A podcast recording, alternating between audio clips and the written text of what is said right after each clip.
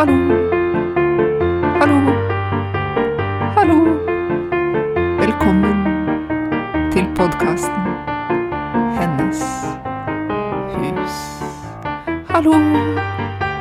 Hallo. Hallo. Hallo. Velkommen til podkasten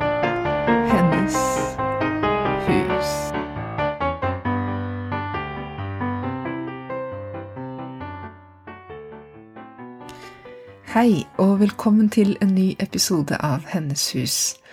Um, I dag er vi kommet fram til del fem i serien om øya Iona på vestkysten av Skottland. Og øya Iona regnes eh, av mange for å være et såkalt tynt sted, og det er det jeg snakker om i denne første sesongen av Hennes hus. Eh, såkalte tynne steder. Og det er et begrep hentet fra keltisk spiritualitet som betegner en type steder der sløret mellom det denne sidige og det hinsidige sies å være tynnere enn ellers. Hvordan man nå vil definere det hinsidige, enten det er dypere deler av en selv, eller om det er noe større enn enhet med universet, eller noe noen kaller det Gud. Og ja, det fins mange ord for det. Men det er iallfall et helt eh, spesielt sted, og jeg utforsker eh, historien til Iona og en del myter og legender og fortellinger knyttet til stedet i denne lille miniserien. Og i del fem så er vi kommet til slutten av 700-tallet, og da skjer det noe veldig dramatisk, både på Iona og på, eh, altså på de britiske øyer og i Irland, for da eh, begynner rett og slett vikingangrepene. Og dette kjenner vi jo fra norske historietimer også, vi lærte om det i hvert fall på skolen. Um, at i 793 så angrep vikingene øya Lindisfarne, som er på, på andre siden av, eh, av Storbritannia, altså andre siden av øya, liksom, på østkysten. Eh, og den snakket jeg også om i forrige episode, eh, for der ble det sånn ca. 150 år før dette, da, opprettet et datterkloster sier klosteret på Iona av munker fra Iona. Eh, og det klosteret ble plyndra, eh, og, og, munkene ble drept eh, i et brutalt angrep i, i år 793 av vikinger. Og det innledet en periode, det hadde nok vært flere angrep, kanskje mindre angrep før, men dette er det første angrepet som er altså hvor man har skrevet ned at det skjedde i disse krønikene som, som de skrev, da, på den tiden, munkene. Og det innledet en, en periode på flere uh, voldelige angrep, særlig da rundt år 800 og begynnelsen av 800-tallet var uh, en veldig voldelig periode i vikingenes historie. Etter hvert så ble de jo mer bofaste og mer opptatt av handel og sånn, men i begynnelsen var det mye plyndring og, og vold. Og Jona ble angrepet først i år 795, og fra da av så må de jo ha levd med frykt konstant frykt for nye angrep, og det skjedde også. I år 802 var det et nytt angrep, og, og klosteret ble da brent ned. Og fire år seinere, i år 806, var det enda et angrep.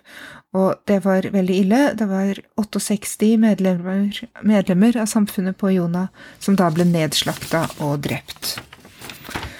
Og altså for å vise hvor voldelige disse angrepene var, da, i 1957 så drev man med arkeologiske utgravninger på øya, og da fant man en massegrav der hvor klosteret nå ligger, og der det antagelig lå den gangen. Det var et annet kloster, det er et, et nytt kloster som er bygd der nå, det skal jeg komme tilbake til seinere. Men der det en gang lå, der var det en massegrav, og der en, fant man en gruppe med veldig unge menn og noen hadde ikke engang fått visdomstenner, og han ene hadde faktisk fingeren i munnen. Jeg vet ikke hva det er, om han suttet på den, det kan være mange grunner til det, og skallen hans var knust. Så de viste alle tegn til å ha lidd en, en voldelig død. Så det her var rett og slett forferdelig. Helt forferdelig. Og i tillegg til å frykte rett og slett å bli nedslakta og drept, så, så fryktet de nok å bli eh, tatt til fange og solgt som slaver, for det gjorde vikingene også. De Eh, tok folk og solgte dem på slavemarkeder rundt omkring i Europa, eller tok dem med hjem. Så um, ja, det var nok en, en ganske grusom periode å være munk eller å være eh, legperson tilknyttet et kloster eh, i. Og det, det fins et dikt, da, som er skrevet av en irsk munk på denne tiden, som illustrerer noe av den frykten de må ha følt, og det lyder så her.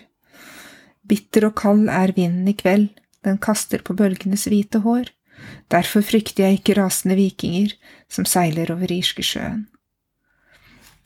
Og det, hvis det var storm, så kunne de jo ikke Da regnet de med at vikingene ikke kunne komme. At det var for farlig å seile, så da var de trygge. Så stormen var faktisk en, en trygghet.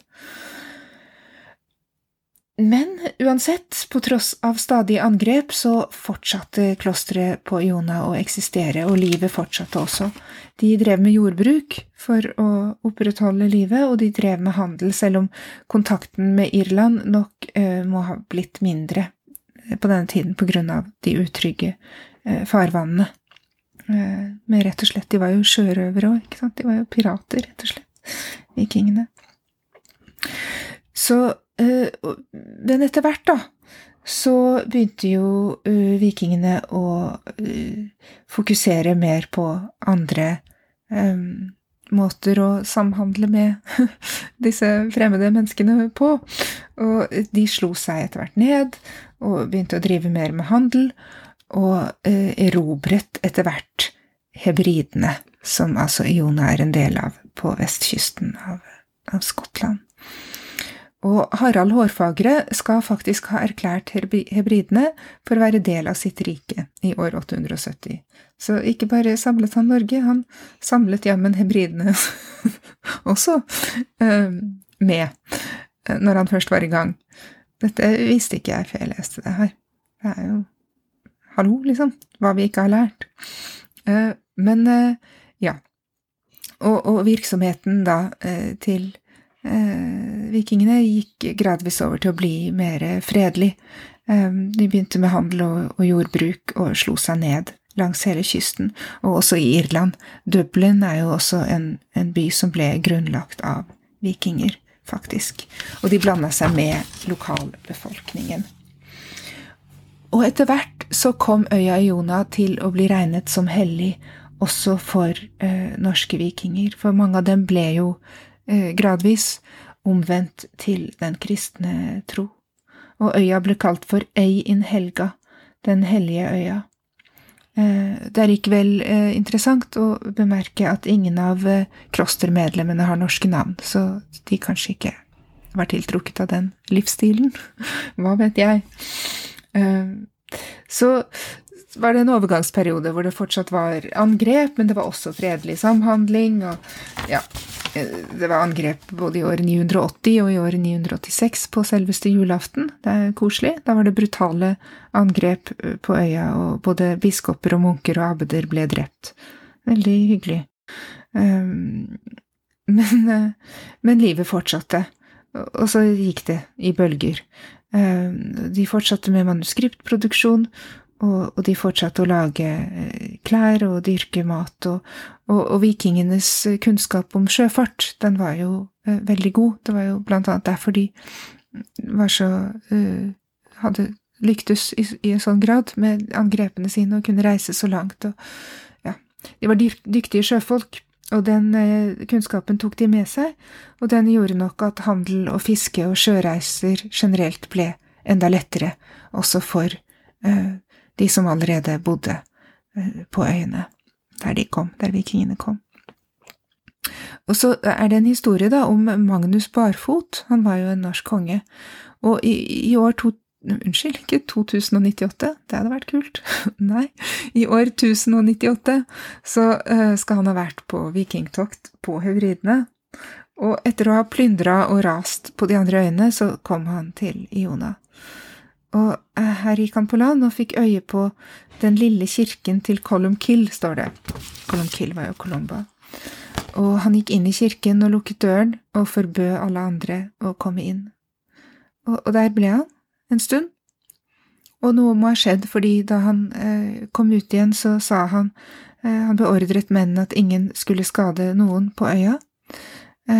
og denne kirken skulle få stå urørt. Og etterpå så fortsatte han og hans menn å plyndre og rase på de andre øyene. Så han ble ikke akkurat omvendt, men han ville ikke skade Iona av en eller annen grunn. Um, ja, så det, og på denne tiden, altså på 900-tallet, så begynner det også Jeg snakket jo i den episoden som handlet om St. Oran, og om den gravlunden som kalles Rayleak Oran, som er den eldste gravlunden der, som er veldig, veldig gammel. Der er det mange uh, skotske konger begravd, og også noen norske og noen irske. Og de norske kongenavnene begynner å komme på denne tida, på 900-tallet. Så da er det tydelig at det er noen som, uh, som er blitt kristne, og som som ville bli begravet der fordi det ble regnet som veldig hellig grunn. Ja. Så, så det er interessant, syns jeg, at, eh, at, norsk historie er så innfletta her, for det, det, det, er noe jeg aldri hadde lært da jeg gikk på skolen, i hvert fall. Og i år 1152 så ble faktisk kongedømmet Man, The Isle of Man, og hebridene, inkludert Iona, plassert under Nidaros erkebispedømme. Det omfattet også Orkenøyene, Færøyene og Shetland og eh, to bispedømmer på Island og ett på Grønland. Så det var med andre ord kjempesvært, hva? Helt til Grønland. Det er jo eh, Ja. Det var Nidaros bispedømme. Og for Iona så betydde dette at det ble plassert i den nordlige verden, og det ble avskåret fra den eh, keltiske verden der eh, det var eh, der klosteret var rotfestet, da. Eh, så, så gælisk som språk ble ikke lenger brukt i den i, i Nidaros bispedømme. Det var, eh, var, vel latin, for det var jo også forankret i Roma. Disse bispedømmene eh, kom jo Altså, det var del av en større en omstrukturering av kirken som skjedde på 1100-tallet, hvor, hvor det ble opprettet bispedømmer på samme måte over hele Europa. Og, og kirken fikk en mer sånn universell organisatorisk struktur, da. Så uh, da var det vel latin og norrønt, da, regner jeg med. Det ble i hvert fall del av en annen kulturkrets. Så, så det er også spennende. Og kort tid etter dette så ble også eh, nye klosterbygninger oppreist på Jona. Og da Det er liksom på en måte markerer dette slutten på en keltisk periode. Da eh, ble det opprettet et benediktinerkloster ca. rundt år 1200, eller kort tid etter. Ehm, og det ble opprettet et augustinsk nonnekloster ikke langt derifra, og det kan man enda se ruinene av eh, i dag. Og jeg skal fortelle mye mer eh, særlig om nonneklosteret i neste episode. Da går vi inn i høymiddelalderen, og ja, det, det er på en måte et slags skille her eh, rundt år 1200. Um, du har den tidligkristne keltiske perioden, måte, fram til um, ja, på 500-600-700-tallet, og så har du vikingtida, og det er en overgangsperiode her, og så og så kommer høymiddelalderen um, med en ny periode som jeg, skal snakke om neste gang. Mm. Så for i dag så sier jeg bare takk for nå. Uh, veldig hyggelig at dere hører på. Uh, kom gjerne med spørsmål og tilbakemeldinger av alle slag uh, hvis dere har det. Og ja, ha det fint. Hei, hei.